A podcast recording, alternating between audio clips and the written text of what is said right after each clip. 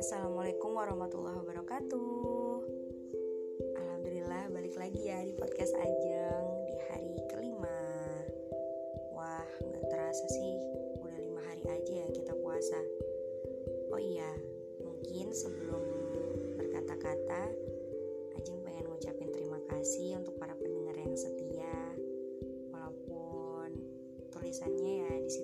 aja sih Semoga ke depannya bisa tetap berprogres dan tulisan yang Ajeng cipta bisa enak didengar oleh para pendengar yang setia.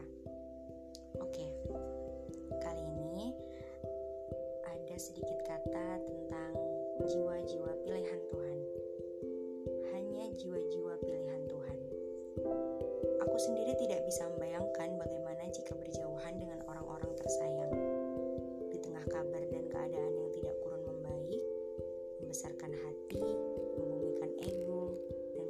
Sabar mungkin menjadi cara terbaik untukmu melakukan penerimaan.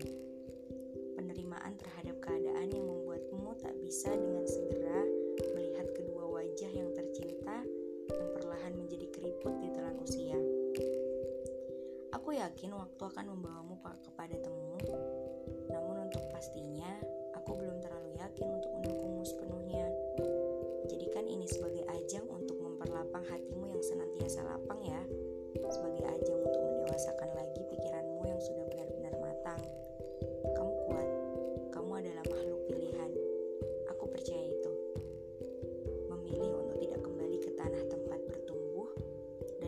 harus ada satu dua yang khawatir dan berujung pilu merupakan sebuah pilihan yang mulia yang tidak semua orang bisa melakukannya. Hanya kamu, jiwa kuat pilihan Tuhan. Jadi, jangan lupa untuk selalu melangitkan ribuan doa untuk orang tua di rumah ya.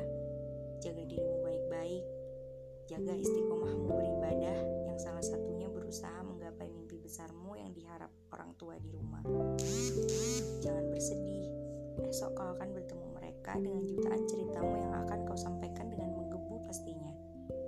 Berjanjilah bahwa kau akan selalu baik-baik saja, walau jarak terkadang bertindak seenaknya. Semua ini adalah jalannya yang terbaik, dan kamu adalah jiwa pilihan Tuhan yang selalu tangguh walau di waktu pelik. Tetap semangat ya! thank you